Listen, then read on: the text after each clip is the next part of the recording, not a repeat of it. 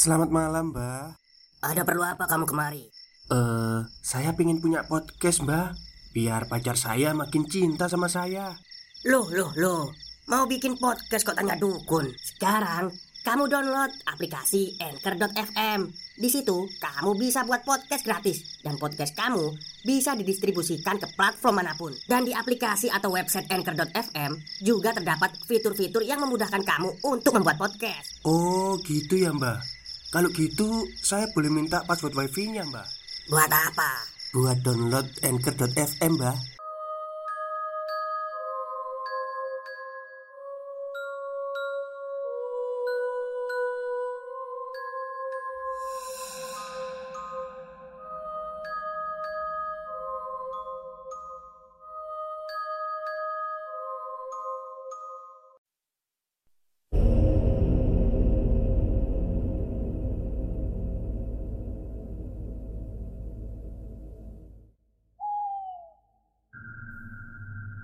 Assalamualaikum warahmatullahi wabarakatuh. Halo semuanya Jumpa lagi dengan saya Chow Sing Sing Kurator dari podcast Horror Night Story. Halo apa kabar semuanya? Semoga kalian semua sehat-sehat ya.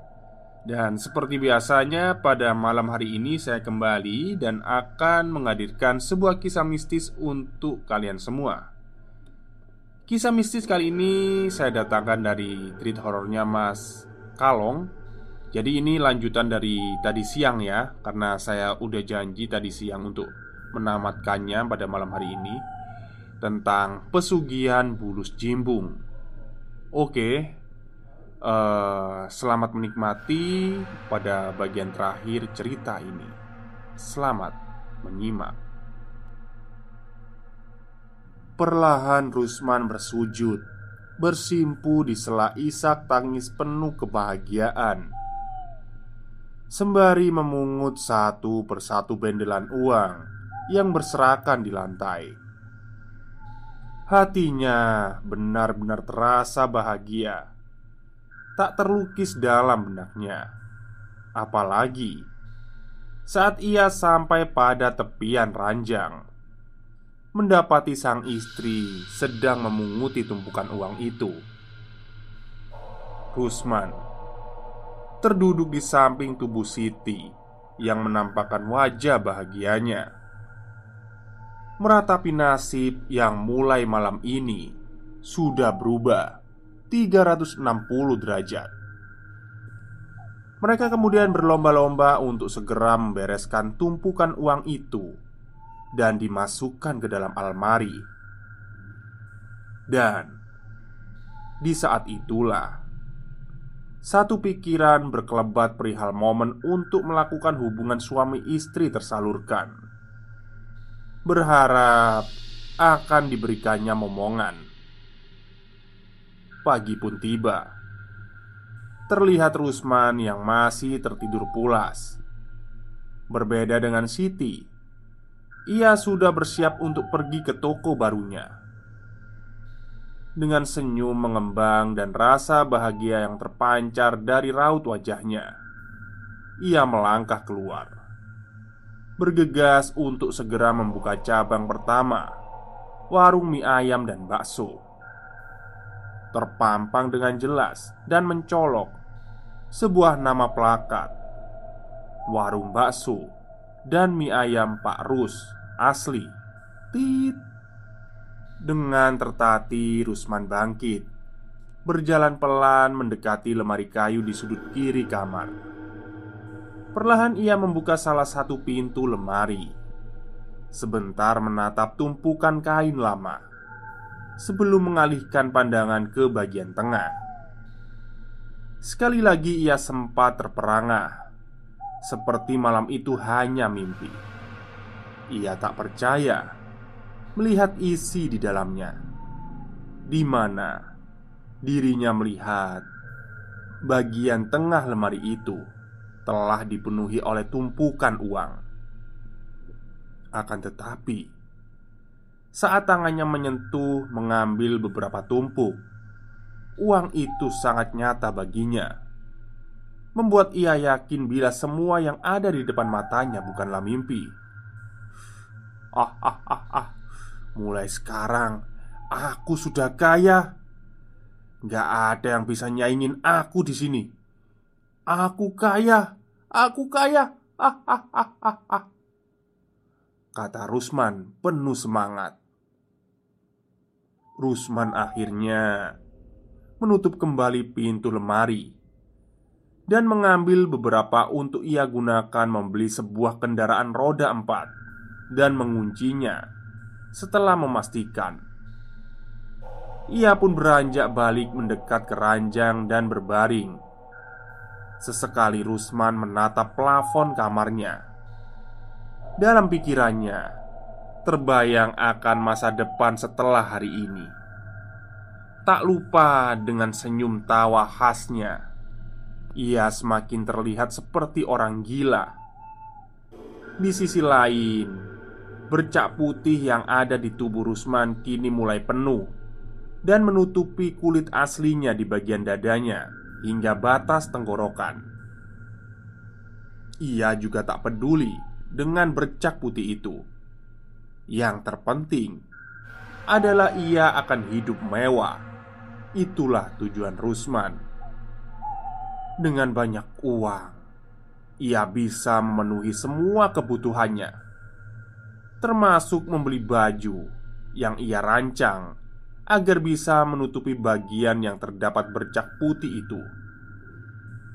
Karena pada dasarnya, harta yang diperoleh dari musyrik atau menyekutukan Allah Subhanahu wa Ta'ala itu tidak abadi.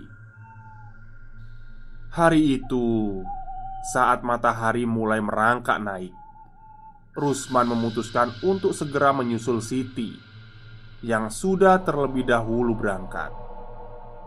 Tak lupa Rusman berdandan lebih religius Memakai sorban motif hitam putih untuk menutupi bagian lehernya Namun sebelum ia menyusul Siti Ia berencana untuk membeli kendaraan roda empat pabrikan Jepang. Sebuah kendaraan yang menjadi primadona di tahun 2000-an. Setelah apa yang diinginkan Rusman terpenuhi, ia kemudian menyusul Siti di warung barunya. 30 menit berlalu, Rusman tiba di sana. Tidak dapat dipungkiri Awal buka cabang pertama sudah dipenuhi oleh pengunjung yang mengantri Membuat pengendara lain penasaran Dan berujung mampir ke warung Rusman Sudah tidak kaget bagi Rusman Jika warungnya akan ramai pengunjung seperti ini Ia lagi-lagi berkumam Jika dalam tempo kurang dari satu tahun Ia akan menjadi pengusaha yang sukses orang terkaya di kampungnya dan mempunyai banyak cabang warung mie ayam dan bakso. Seperti yang ia lihat sebelumnya saat melaksanakan ritual. Menjelang suruh, setelah memastikan warung sudah ditutup, Rusman bersama Siti akhirnya memutuskan untuk melihat sebuah rumah yang sebelumnya sudah ia targetkan untuk dibeli. Ia juga tak lupa untuk memberikan bonus pertama untuk ketiga karyawannya itu.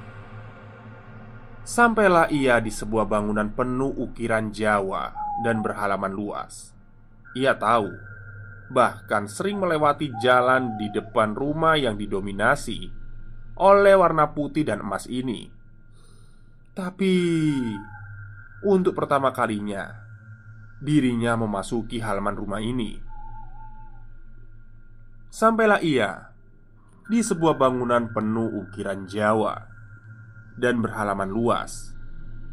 Ia tahu, bahkan sering melewati jalan di depan rumah yang didominasi warna putih dan emas. Tapi untuk pertama kali, dirinya memasuki halaman rumah ini. Permisi, sore. Sapa Rusman setelah langkahnya sampai di depan pintu berdaun kayu jati penuh ukiran. Berulang-ulang suara Rusman menyapa. Sampai akhirnya ada suara langkah dari dalam. Kemudian disusul derit pintu terbuka Menandakan jika seseorang telah merespon sapaan Rusman. Selamat sore Silahkan Ada perlu apa mas? Sahut lelaki tua yang baru saja membuka pintu Dan menatap penuh selidik pada Rusman Rusman terdiam sebentar. Ia sedikit gugup mendapati tatapan dari lelaki tua itu. Namun, demi tujuannya, ia segera menjelaskan kedatangannya. "Maaf, Mbah, saya ingin bertemu dan bicara sama pemilik rumah ini." Jawab Rusman pelan dan sopan. Sang lelaki tua itu sebentar terdiam.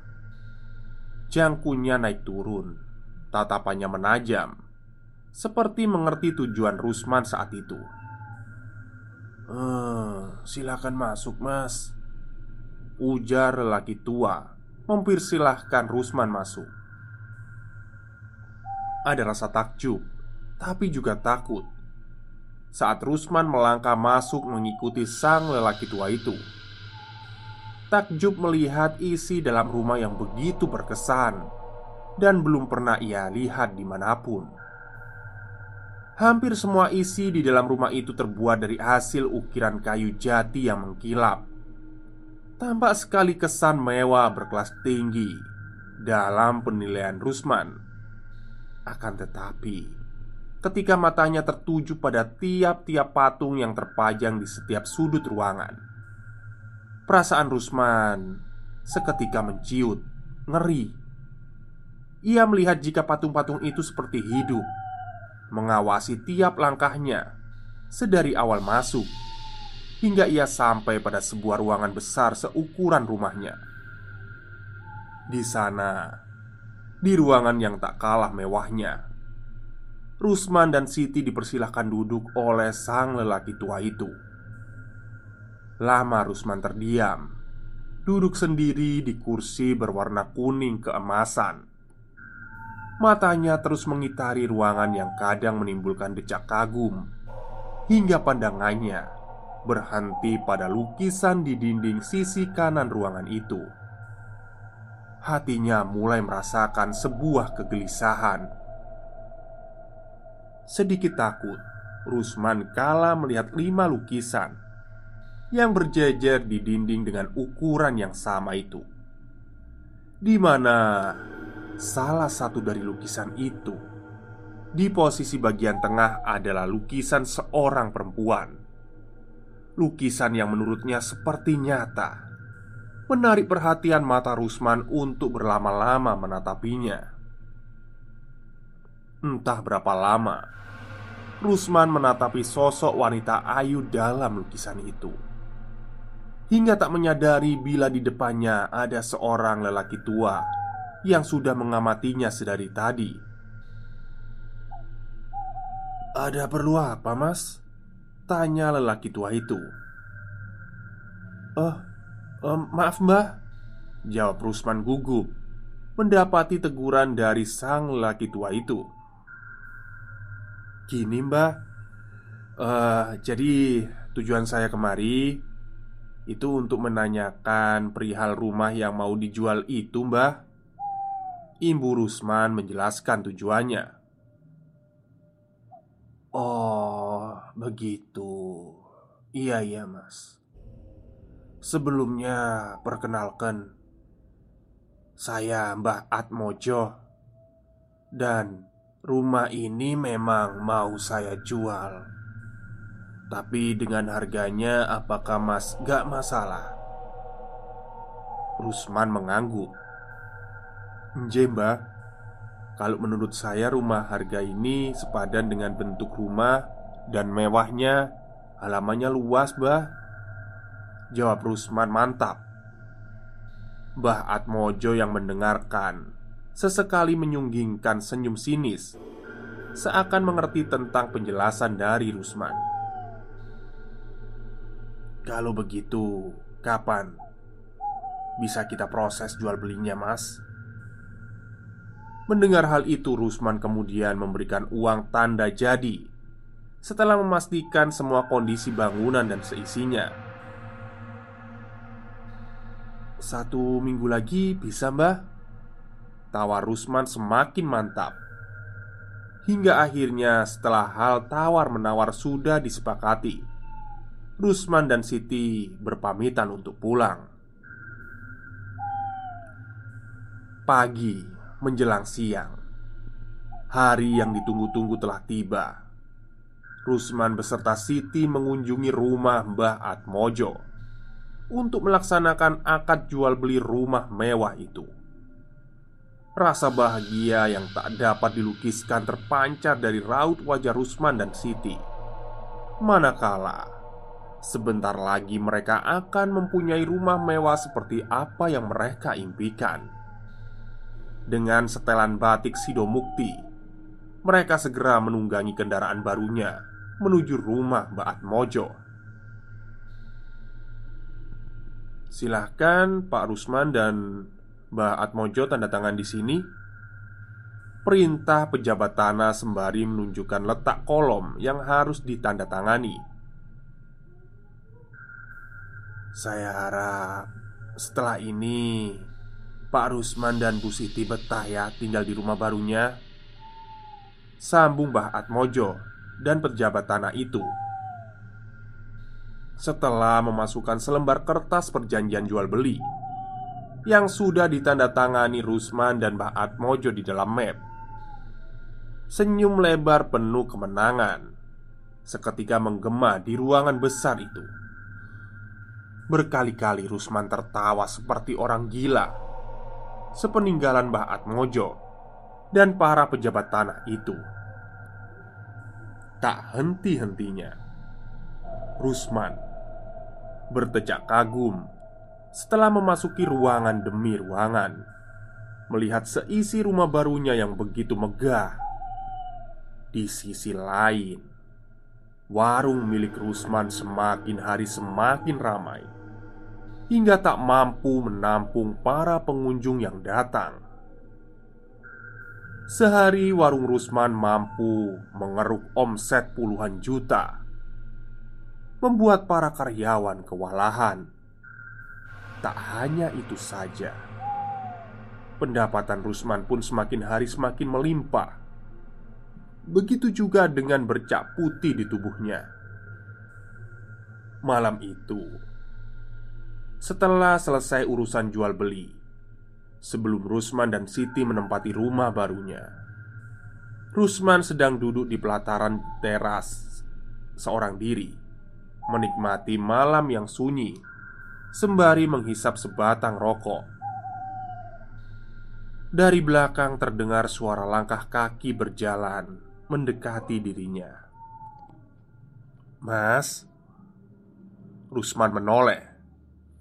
Dilihatnya Siti mengenakan setelan daster Bermotif bunga berdiri di belakang. Siti melihat Rusman dengan sorot wajah yang nampak bahagia Mas, aku hamil. Rusman terkejut. Membenarkan posisi duduknya. Ia menanyakan kembali perkataan Siti barusan. Apa dek? Kowe meteng? Suaranya agak meninggi. Iya mas, aku hamil. Binar kebahagiaan terpancar pada kedua wajah Rusman dan Siti. Manakala apa yang mereka tunggu Kehadiran sosok momongan untuk yang kesekian kalinya akhirnya datang juga. Mobil hitam melintas di atas tanah berkontur aspal Di bawah rintikan gerimis Yang sedari tadi tak kunjung reda. Dari kejauhan nampak sebuah rumah yang tak begitu besar Berpagar teralis besi berwarna hitam. Rusman dan Siti Berhenti di depan rumah itu Terdengar Suara pintu berderit Seseorang membuka pintu Sosok wanita parubaya Berpakaian selayaknya ibu-ibu pada umumnya mempersilahkan mereka masuk. Kemudian, menutup pintu setelah memastikan tak ada lagi orang di luar. Mereka berkonsultasi mengenai kehamilan pertamanya, dan Rusman pun terkejut jika mengetahui ternyata Siti benar-benar hamil anak kembar. Seperti apa yang Rusman lihat di sendang waktu itu. Hari berganti hari, bulan berganti bulan. Dilalui Rusman dan Siti seperti biasa. Normal, layaknya orang lain. Meski dalam beberapa hal, khususnya cara bermasyarakat, keduanya sering menjadi gunjingan warga terutama Rusman. Namun bagi Rusman sendiri, bukanlah satu perkara penting untuk mengganggu aktivitasnya. Kehidupannya sekarang memang lebih dari mapan dibandingkan tetangga-tetangga terdekatnya. Memasuki bulan keenam bertepatan dengan usia kandungannya yang keenam, Siti menghabiskan waktu hanya di dalam dan di sekitaran rumah tanpa mau bersosialisasi. Begitu juga dengan Rusman yang mulai menampakkan bercak putih di bagian paha hingga mata kaki. Rusman dan Siti sangat menyayangi janin dalam rahimnya. Semua yang ia inginkan, seperti umumnya wanita hamil, untuk menyenangkan calon bayi, selalu dipenuhi. Tapi ada satu hal yang Siti lupakan Jika dirinya hidup dalam lingkup sebuah kampung di mana adat istiadat dan pantangan khususnya wanita hamil masih dijaga erat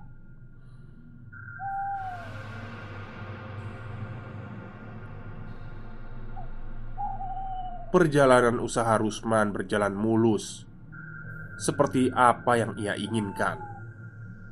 Bahkan sekarang ia berhasil membuka cabang yang kelima Bertepatan dengan kehamilan anak mereka. Rasa bahagia semakin bertambah Ketika dua anak kembar itu mereka namai Gana dan Gani. Namun Rusman menyadari akan satu hal Yaitu kekayaannya yang semakin bertambah menandakan sisa hidupnya tidak lama lagi.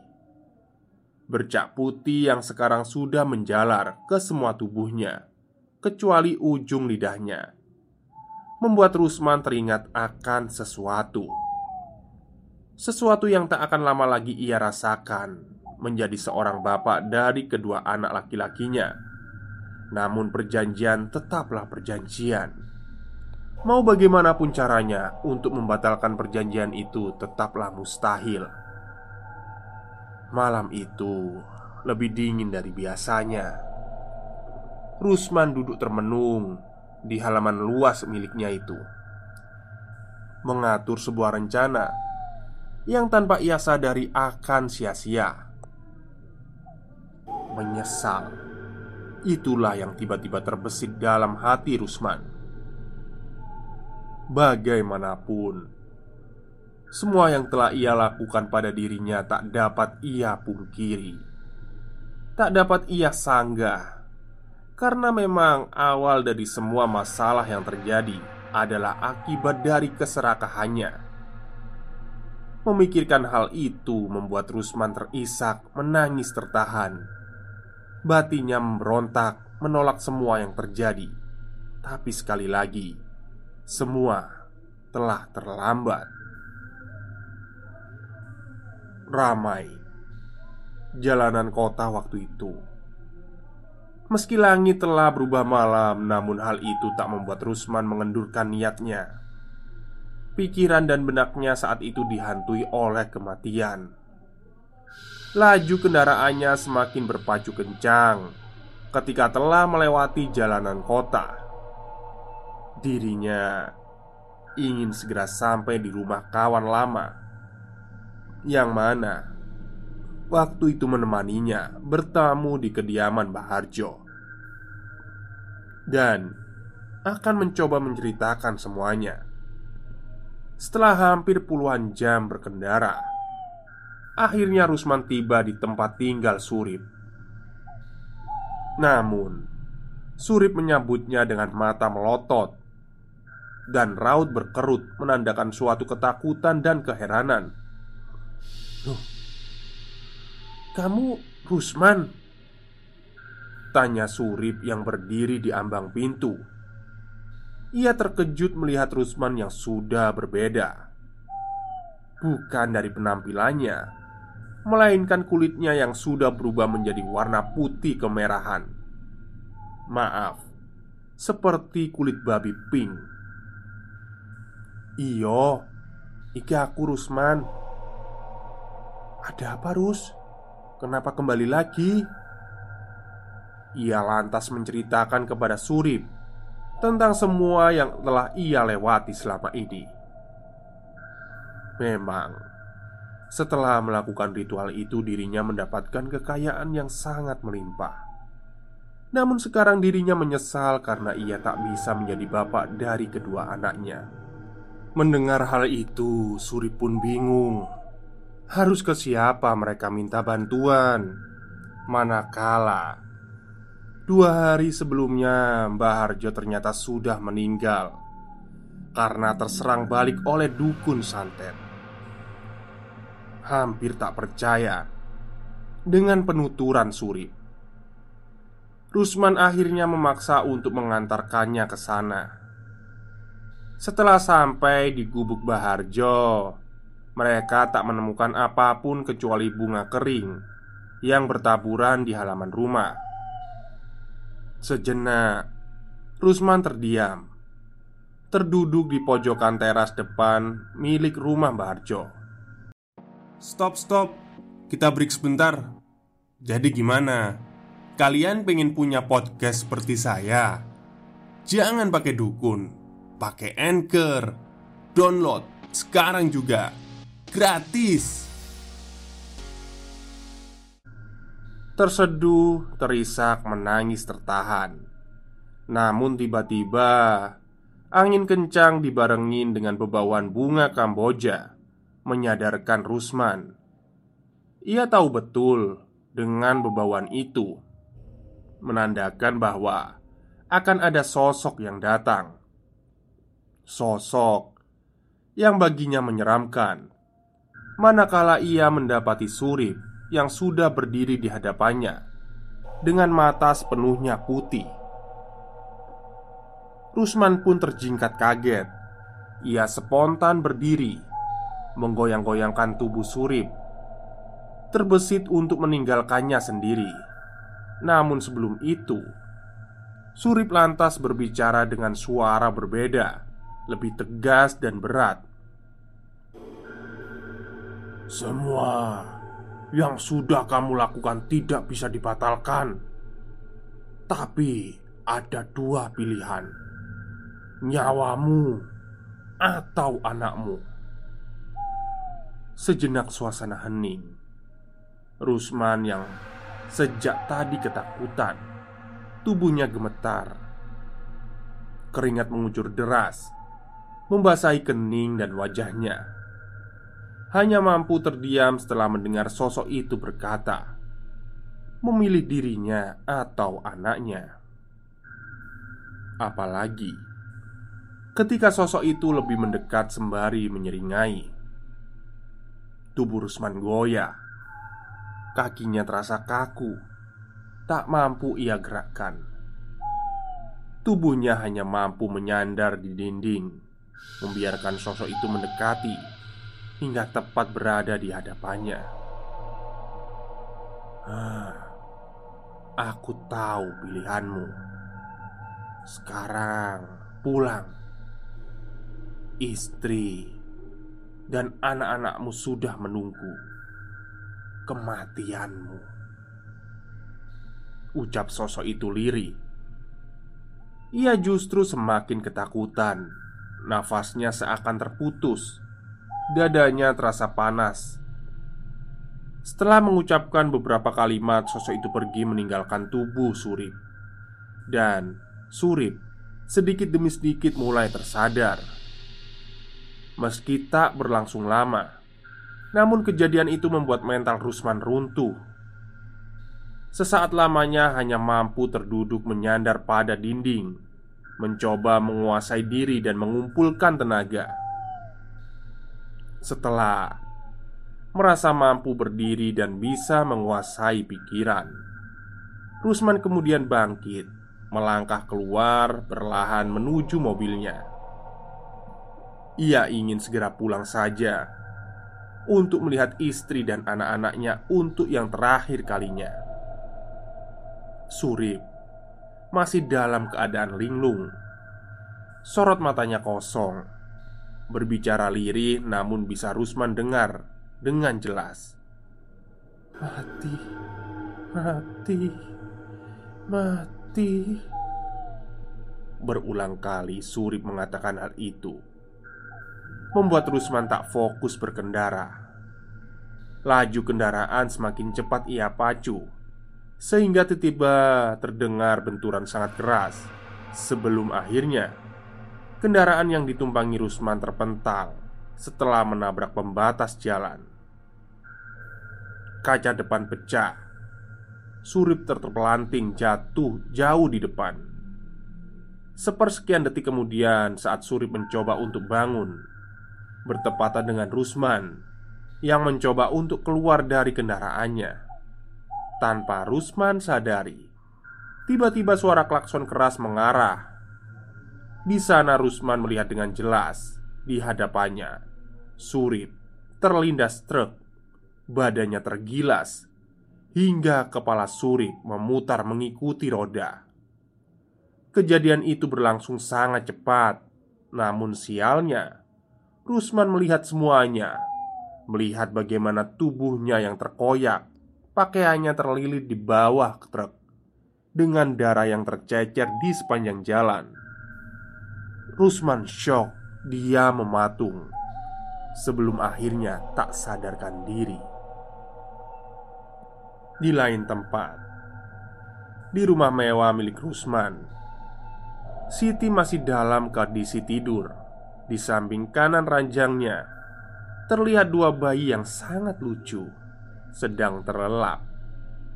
Terlihat juga beberapa suster sedang berjaga di kamar Siti sembari menunggu Siti sadar. Namun tiba-tiba saja salah satu dari bayi yang tak berdosa itu menangis keras, membuat seisi rumah terkejut. Begitupun dengan Siti. Ia ikut terbangun setelah mendengar tangisan anaknya. Salah satu suster itu pun mencoba untuk menenangkannya. Namun, namun tetap saja tak mau berhenti menangis mereka. Siti mencoba bangkit dan menggendong seraya berucap lirih. "Gana, kenapa, Nak?" Sesaat kemudian, setelah Rusman sadar ia kemudian bangkit dan berjalan menuju tempat Surip. Ceceran organ tubuh Surip ia masukkan ke dalam karung. Pandangannya kosong, berjalan gontai, sembari bergumam lirih. "Ayo, Rip, aku antarkan kamu kembali." Sesampainya di sebuah jembatan yang hanya bisa dilalui satu kendaraan, Rusman turun. Diambilnya karung yang berisikan ceceran organ tubuh Surip. Ia letakkan di sebuah pohon yang besar sebelum meninggalkannya. Rip Aku pulang dulu ya. Salam Untuk bapak sama ibu. Kata Rusman liri Sembari terkekeh seperti anak-anak Menjelang siang, mobil berhenti di depan rumah mewah di dalam perkampungan. Rumah itu mewah dan ramai. Rusman menatap keramaian itu sebelum turun dari mobilnya. Hal pertama yang ia rasakan saat turun dari mobil adalah pandangan mata tak menyenangkan dari beberapa orang. Beberapa warga sempat menghadang Rusman dengan tatapan sengit Manakala Sejak bercak putih itu menyelimuti tubuhnya. Hampir semua warga tak mengenalinya. Rusman tetap melanjutkan langkahnya Mengabaikan suara ejekan dari salah satu mulut warga. Bong, Jimbong Mimik wajah Rusman mengencang. Begitu mendengar lelaki itu berucap Rusman menarik kaos lelaki itu kemudian hantaman keras Melayang tepat mengenai mata lelaki itu.